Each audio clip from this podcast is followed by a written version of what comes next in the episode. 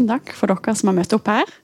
Eh, og jeg takker for at jeg får lov å snakke her. Og eh, dette blir tatt opp, så takk for dere som hører på det som podkast seinere. Jeg er stipendiat eh, ved Norges handelshøyskole. Utviklingsøkonom. Og som en del av min doktoravhandling så ser jeg på kokainproduksjon og vold i Colombia.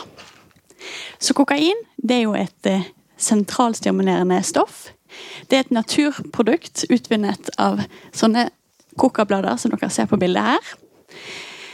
Og tradisjonelt sett så har jo disse i tusenvis av år blitt tygget i latinamerikanske land av urbefolkning. Men på 1800-tallet så ble det utvunnet til ren kokain, som har blitt brukt til masse forskjellige ting opp igjennom, bl.a. i Coca-Cola, som sikkert noen av dere har hørt om. Eh, og i dag så er det det nest mest brukte ulovlige rusmiddelet vi har her i Europa etter eh, marihuana. Og det er ca. 22 millioner mennesker i verden som bruker kokain. Og her i Norge så ligger er det ca. 5% av voksne eh, som har prøvd kokain, og rundt 1% eller noen få prosent, som har eh, brukt kokain det siste året. Så her er et stort kart som viser hovedrutene for kokainhandel i eh, verden. Som dere kan se her, så kommer kokainen fra Andesregionen i Sør-Amerika. I landet Colombia, eh, Bolivia og Peru.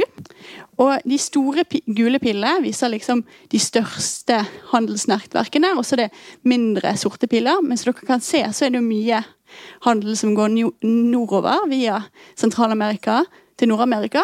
Men det er også ganske mye som går til Europa. Og her har jeg en veldig spennende graf, som er noe av grunnen til at jeg syns dette temaet er såpass interessant. Dette er beslagdata av kokain fra Europa. Så her ser man antall kilo av beslag, og her ser man årene. Og som dere kan se, så de siste åtte til ti årene så har det virkelig skjedd noe. Man har fått en helt enorm økning i beslag av kokain i Europa. Men også en enorm økning av faktisk kokain. Så mellom 2014 og 2019 så har det doblet kokainproduksjonen i verden. Og etter det har det fortsatt å øke. Så det vil si at I dag så er det mer enn dobbelt så mye kokain i verden som det var for ti år siden. Som har en stor påvirkning. Så jeg skal snakke først og fremst om hva som eh, skjer i Colombia. Men først vil jeg bare snakke litt om hvordan påvirker dette Europa. Så dere sikkert kanskje allerede vet, så er jo kokain eh, et ulovlig rusmiddel med en rekke bieffekter. Det er ikke bra for hjertet og ikke bra for hjernen. Og det kan føre til dødelighet. Man kan dø av det. Eh, men som en utelivsstudie fra Oslo viser, så er det veldig mange som bruker kokain sammen med alkohol. Og også denne kombinasjonen av disse to stoffene er også eh, ganske øker skadeligheten. Og en tredje ting, kokain som man kjøper her i Bergen eller Oslo, det er jo ikke en ren kokain. Den er blandet ut med forskjellige andre stoffer, for dette er ulovlig. Eh, og folk vil tjene mest mulig penger, det er ikke regulert, så man blander det ut med masse forskjellig mye rart man kan finne, men en av de tingene som går igjen, det er en, eh, rett og slett en hestekur. En ormkur for hester, for den ligner ganske mye sånn utseendemessig. Og den er heller ikke bra for mennesker, og heller ikke bra sammen med eh, alkohol. Så det er liksom det første gjerne man tenker på med kokain og bieffekter. Men det er en annen bieffekt som jeg tror en del av dere kanskje ikke helt vet om. Så dette er, bilde, dette er et bilde av justisministeren i Belgia. I høst så har han, sammen med sin kone og barn på tre og seks år, levd på hemmelig eh, skjult adresse etter at mafiaen fra Nederland prøvde, eh, ønsket å kidnappe dem. Og etter det har det også kommet masse drapstrusler. Så et nytt problem som kommer med denne økte kokainen, er et press på institusjonene vi har, og en risiko for økt korrupsjon. De kriminelle organisasjonene sitter på masse penger pga. handelen.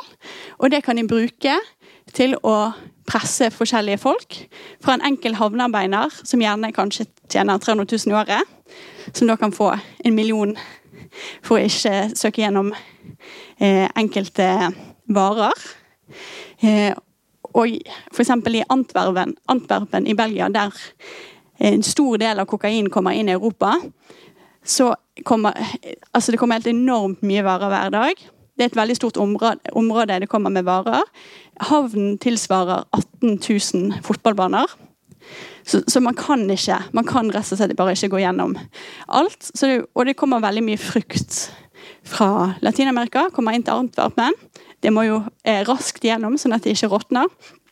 Så det er veldig lett å få mye kokain gjennom her. Så det går fra helt nede å presse havnearbeidere til opp i systemene og presse forskjellige eh, involverte mennesker, som da eh, korrumperer hele systemet. Det fører også til mye mer eh, vold. Disse gjengene eh, har blitt ganske voldelige. Eh, og det er både altså, mer ekstrem type vold, som man ikke har sett så mye i Nord-Europa før, men også mer åpen vold på gaten. Så for Nå i januar så var det en elleve år gammel jente i Belgia som ble drept bare fordi hun var på feil sted når det var krangler mellom to av gjengene. Men så til Colombia, som er dagens tema. Colombia er et utrolig vakkert land i Latin-Amerika. Med et av de største biologiske mangfoldene vi har i verden. Eh, og derfor også er veldig bra for å dyrke coca, dessverre. De har rundt 50 millioner innbyggere. Det er et mellominntektsland med stadig økonomisk vekst. Og de eksporterer ting som olje og kaffe og blomster. Men de er også et land med store økonomiske ulikheter. Så her har jeg bare tatt med et bilde fra Medin, et slumområde i Medin. Eh, der mange bor med dårlig infrastruktur og dårlig sanitære forhold. Samtidig som ja, bare noen kilometer unna så bor folk i høye hus med basseng osv. Så, videre. så ulikheten er veldig stor. Og volden er veldig stor i Colombia og i mange latinamerikanske land. Så her er et kart av vold eh, per land i Latin-Amerika. Så her ser dere Colombia, som grenser til Panama og Venezuela, Brasil, Peru og Ecuador. Og som dere ser, så er ikke Colombia det er ikke det landet som har aller høyest vold. Det er jo Venezuela og Jamaica. Men det har fortsatt ganske høyt nivå av eh, vold sammen med land som Mexico. Så i Colombia så er det ca. 27 eh, drap per 100 000 innbygger per år. Og dette er en standardisering man har gjort, sånn at det er lett å sammenligne per land. Men hva betyr egentlig 27 per 100 000 eh, per land eh, per år? Noen som vil gjette på hva dette tallet er for Norge? I Norge så er det 0,5. Så ganske stor forskjell. Og Hvis du tar Europa som felles, så ligger det på 1,5. Så her har man et helt annet nivå med, med vold. Så for et land som Colombia så vil det si 13 til kanskje 14 000 drap hvert år. Så i denne regionen, i 2016, så hadde man 45 av 50 av de byene i verden med flest drap. Og 8 av 10 land med flest drap i verden var i denne regionen. Så dette er et stort problem. Men det man også har Man har alle disse landene med veldig høye, høyt nivå med vold. Og mange av de produserer eller er transittland for narkotika. Så man ser en veldig stor samvariasjon i disse landene. Og så kan man selvfølgelig spørre seg er dette en kausal sammenheng. Er, det, er dette grunn, er grunnen til at man har så mye vold i alle disse landene pga. narkotika? Så nå har jeg vist dere en veldig dystert kart. Da skal jeg vise dere et litt mer, eh, litt mer optimistisk graf. Så her igjen drapsraten per 100 000 innbyggere på land. Og her er år. Og dette er fra 1990 til 2022 i Colombia. Så dere kan se her vi har fått en enorm nedgang i vold. Så Hvis du ser på Colombia i dag i forhold til 30 år siden, så går det veldig, veldig mye bedre. Og disse høye voldstallene, som også kom, var enda høyere før, eh, var før det var veldig stor produksjon av kokain i Colombia. Så det har lenge vært et veldig voldelig land, og det er på nedgang.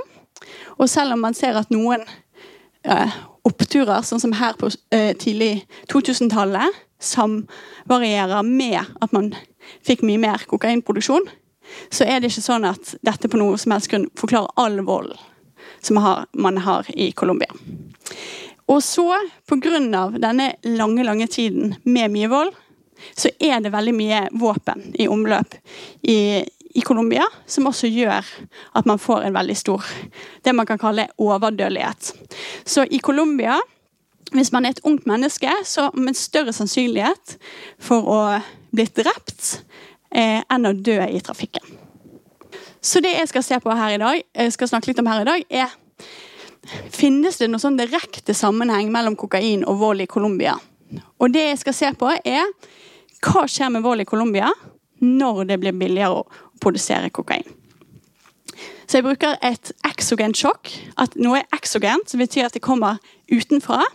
Eh, som påvirker Colombia, men som ikke er pga. Colombia til å begynne med.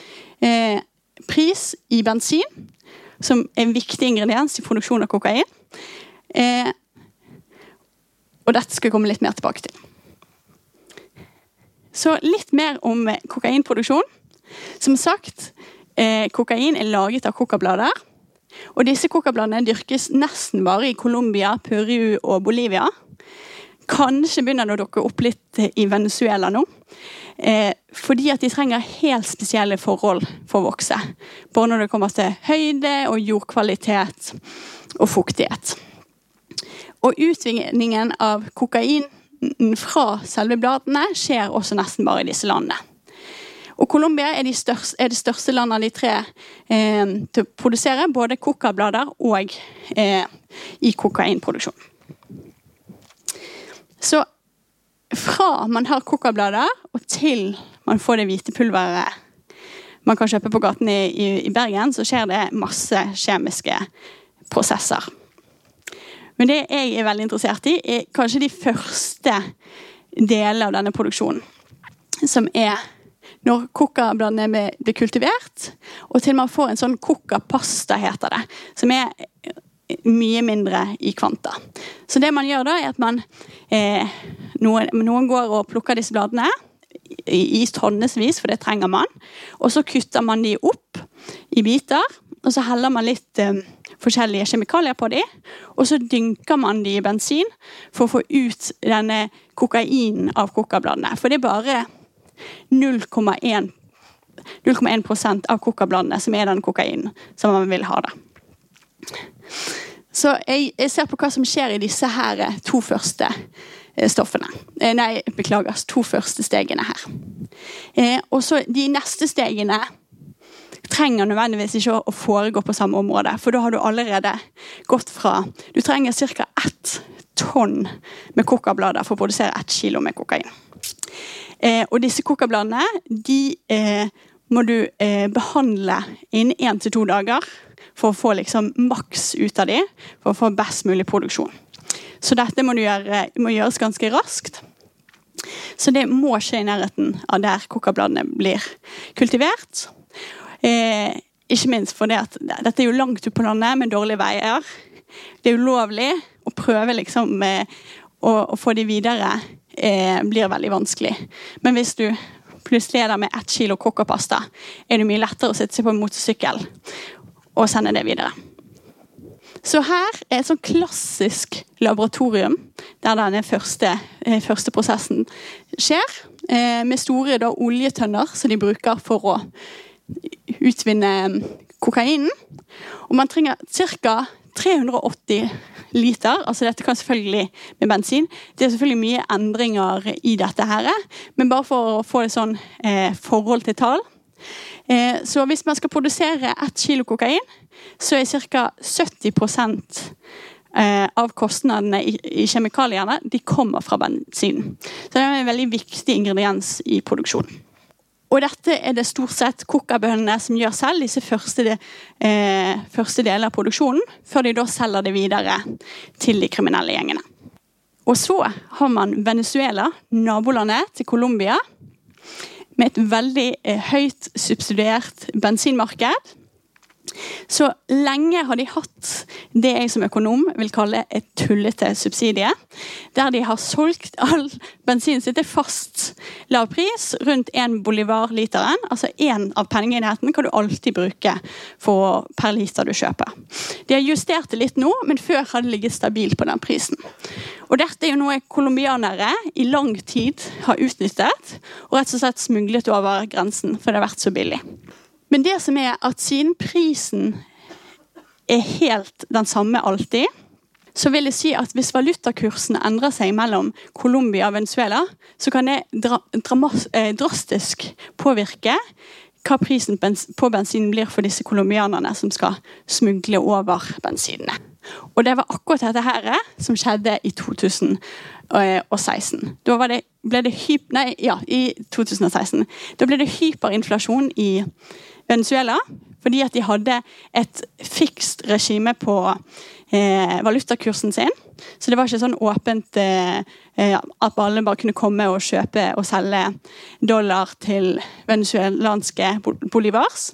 Så det som skjedde da, er jo at Venezuela er jo tradisjonelt et oljeland. De eksporterer masse olje. Da får jo de masse dollar. Og så har de gitt dette til forskjellige selskap, som i da i teorien skulle bruke dette for å importere alle varene som Venezuela trengte. Det som har skjedd isteden, er at de har gitt Pga. korrupsjon i landet så har de gitt dette til selskaper som er gode venner med regjeringen. Og istedenfor bare å bruke dollarene eh, på å importere varer, så har de solgt det på svart, en svartebørs. Så over tid så har man fått en svartebørs på på å få penger, som har bygget seg opp over tid. Som også har skjedd i en god del andre latinamerikanske land. Og så i 2014 så sank jo eh, oljeprisene. Og så var det mye økonomiske og politiske problemer i landet. Så plutselig så ble det svarte markedet for stort. Alle mistet helt troen på eh, myntenhetene. Og da sprakk det, og da fikk man hyperinflasjon. Så dere ser forholdet mellom pengene i Venezuela og Colombia fra en til en annen så ble nesten verdt ingenting. Og det har jeg med et eksempel som jeg tenkte skulle vise dere, som sitter her i salen. Jeg kan kanskje sende det rundt til og med. Dette her er laget med venezuelanske penger. Så det er 192 sånne lapper som har laget denne origami-svanen. Kan jeg sende det rundt hvis folk vil se? Så når, i starten av 2016 så var pengene på denne her alene verd over 12 000 kroner. Og så på slutten av samme år så var de bare verd 250 kroner. Og nå er de rett og slett ikke verd eh, noe som helst. Det eneste denne her er, er verd, er jo liksom tiden det tok kunstneren å sette det sammen. Så det skjedde eh, i Venezuela veldig tragisk, fordi folk mister pengene sine over natten. Og når dette skjedde, så valgte de lenge å holde samme pris på bensin. Fast pris. Jo, jo, som en økonom jo, jeg tenker jo dette er jo helt tullete. Eh, så da var det faktisk sånn at du kunne nesten gå på en bensinstasjon med hva som helst. Du kunne komme med en liten karamell, og så kunne du fylle opp eh, bensin eh, til både din bil og neste bil og de andre bilene etterpå. For bensin var virkelig ikke verdt noe som helst. Og mye av denne eh, bensinen ble da kjøpt opp av colombianere og smuglet over til Colombia. Og brukt i bl.a. ulovlig produksjon av kokain. Så eh, dette blir litt akademisk. Men i min oppgave så er jeg jo interessert i hva skjer med volden? Altså når det blir eh, billigere å produsere kokain, så det blir nå, når de kan smugle med seg denne bensinen. Og det vi vet fra lovlige markeder rundt omkring i verden, er at det er to forskjellige mekanismer. Det ene er alternativkostnader, og det andre er det som kalles for grådighet. Alternativkostnader Denne mekanismen sier at hvis jeg produserer kaffe, og så synker prisene internasjonalt på kaffe, så er det mye mindre å tjene på å produsere kaffe. Da går jeg kanskje og produserer noe ulovlig istedenfor, bare for å få nok penger. Eller motsatt. Hvis kaffeprisene går opp, og det er mer penger å tjene på kaffe eller bananer, så slutter jeg kanskje å gjøre det ulovlige jeg holder på med, og gå inn i den lovlige sektoren, for det er mer penger å tjene. Og på den andre siden så har man en grådighetseffekt. Vil si at hvis kaffen blir mer verd, så jo, produserer jeg gjerne mer kaffe for å tjene penger på det. Men da i land med dårlig infrastruktur, ofte på landet, der det ikke er god politi og sånn, så er det da mye større sannsynlighet at noen kommer og faktisk prøver å stjele alt de har, hvis det er verdt mye mer. Så dette gjelder for lovlige, lovlige goder, når det blir mer å tjene på de, i land der man ikke har veldig god infrastruktur, spesielt på landet. Men hva skjer da når det er et ulovlig gode som koker? Vel, det er jo de samme mekanismene. Det har alternativkostnaden som sier nå kan jeg tjene mer penger på koka. Da lar jeg disse kaffebønnene ligge her, og så går jeg, går jeg all in på kokkaproduksjonen. Får med meg naboene mine til å enten plante trær eller å plukke blader. Det tar faktisk ikke så lang tid fra man planter det første kokka-busken til man får avling. Det tar ca. et halvt år.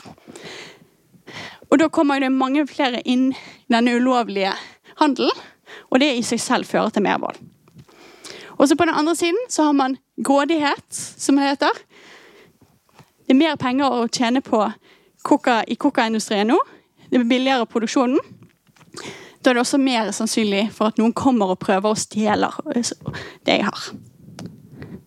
Så det er på en måte veldig forenklet en slags predikasjon på det jeg prøver å teste ut. At når det blir billigere å produsere kokain, så skulle det tilsi at volden går opp.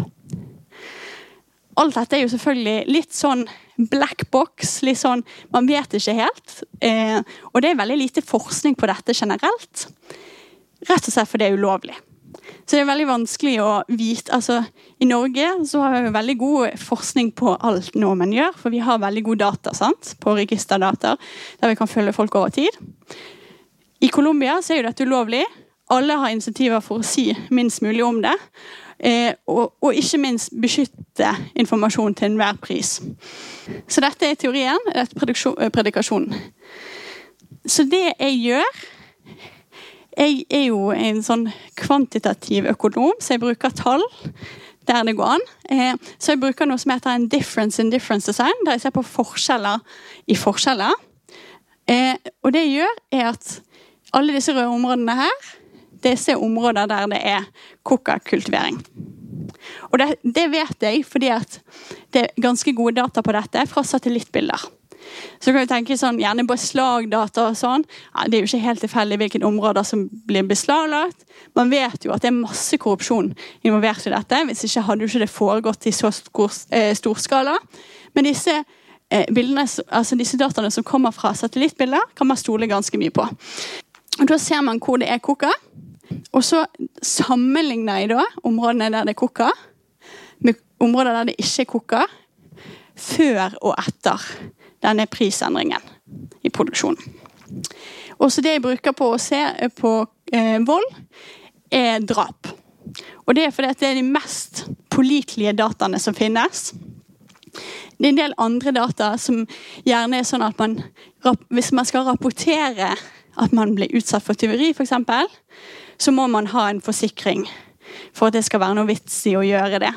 Så det vil jo si at eh, folk med lavere inntekt har ikke noe insentiv til å rapportere tyveri. Så derfor så finnes de ikke i tyveridatabasen.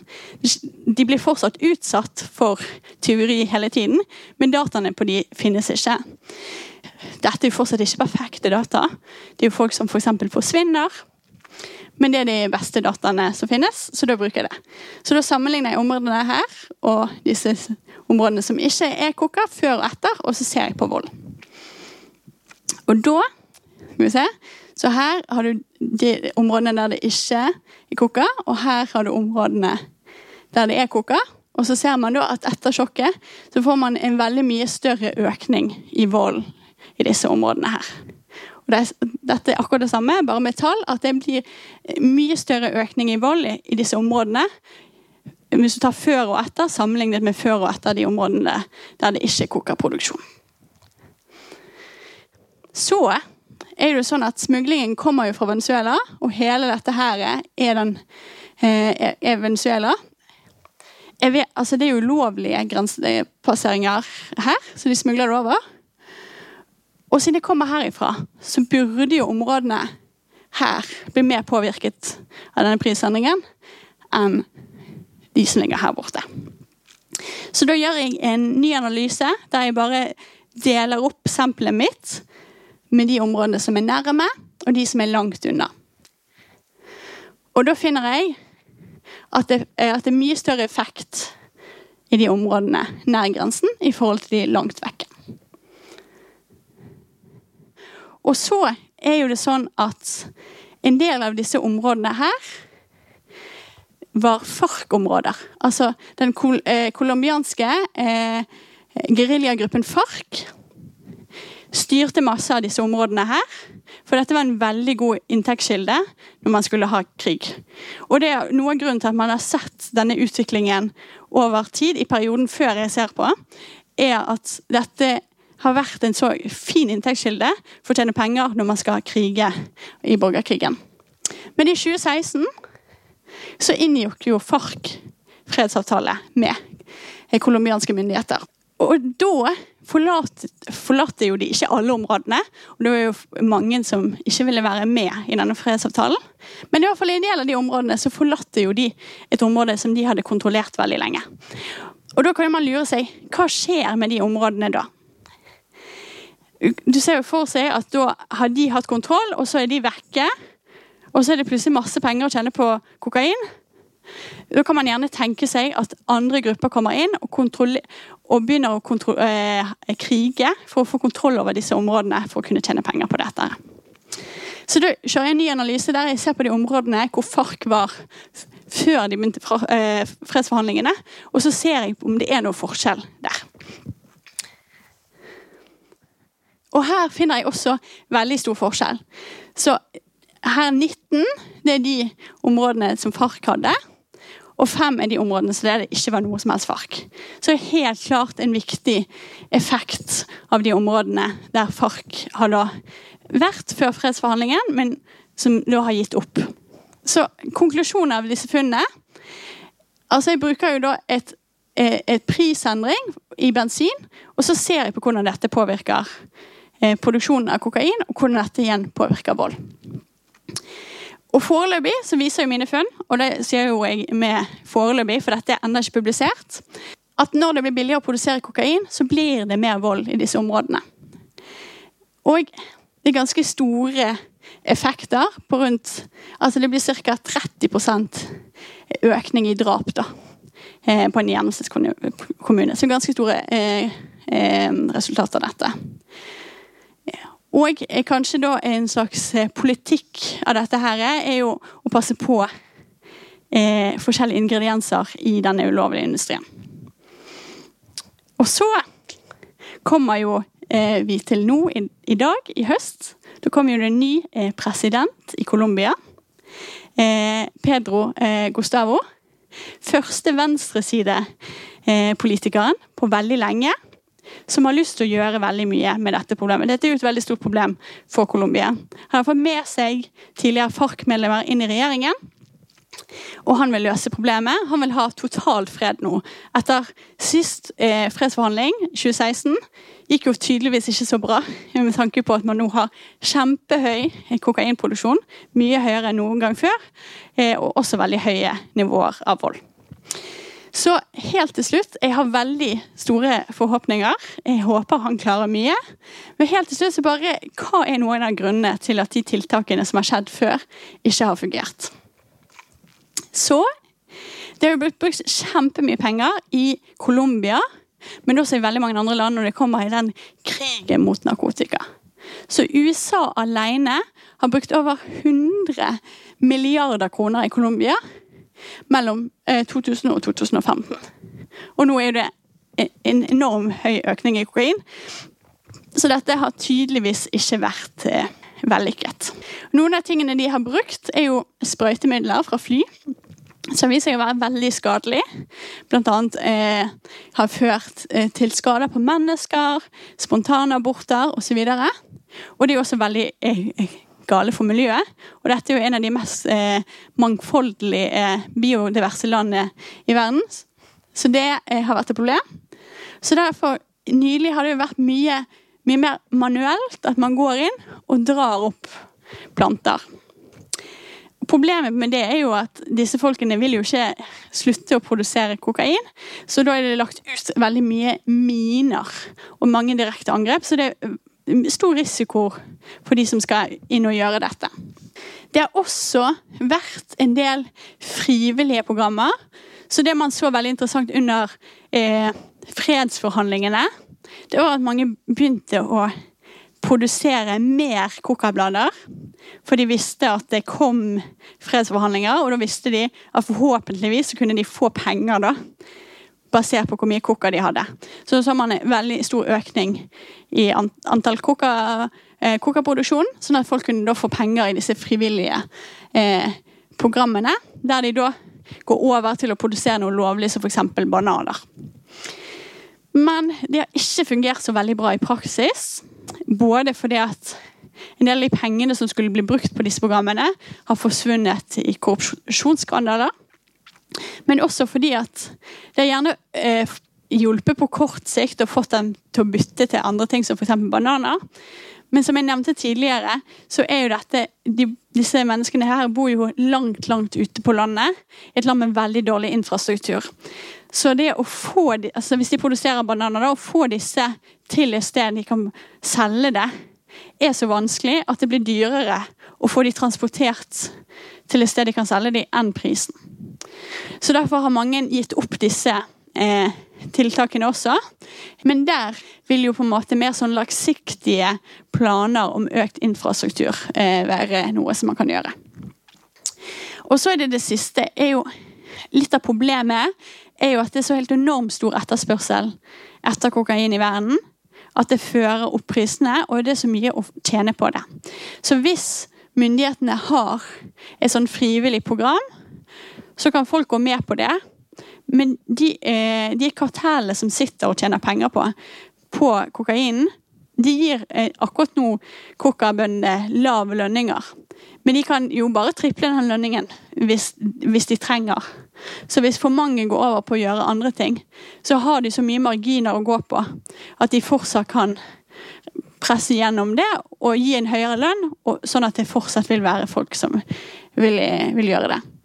I høst så var det også en senator i eh, Colombia som foreslo at kanskje vi bare kjøper opp all kokain som er i landet. For med dagens markedspris i Colombia så hadde det faktisk vært billigere for de å bare kjøpt opp all kokain som var, enn alt det de bruker på å stoppe den kokainen. Vi bruker jo helt enormt mye penger av sitt eget nasjonalbudsjett for å forhindre det. Men det fungerer jo da selvfølgelig ikke i praksis. For hvis de hadde gjort det, så hadde jo de også økt prisene på kokain ytterligere. Så det er et veldig vanskelig problem å løse. Og det er også et veldig vanskelig problem for Colombia å løse alene. Og Colombia får mye hjelp av bl.a. USA, både økonomisk eh, og annen type hjelp. Så å måtte gå imot de ved f.eks. legalisering er også veldig lite realistisk. Men eh, jeg vil jo si at jeg likevel er litt optimistisk, og jeg er veldig spent på hva som skjer nå de neste årene. For nå har det vært eh, fredsforhandlinger mellom de, alle de forskjellige partene som er involvert i kokainproduksjonen i Colombia. Både sånne rene karteller, men også paramilitære grupper og geriljaer. Og myndighetene. Så man kan jo håpe på eh, at, det, at, det, kanskje blir eh, noen endringer, og at volden går litt mer. Ja. Det var det jeg hadde. Tusen takk.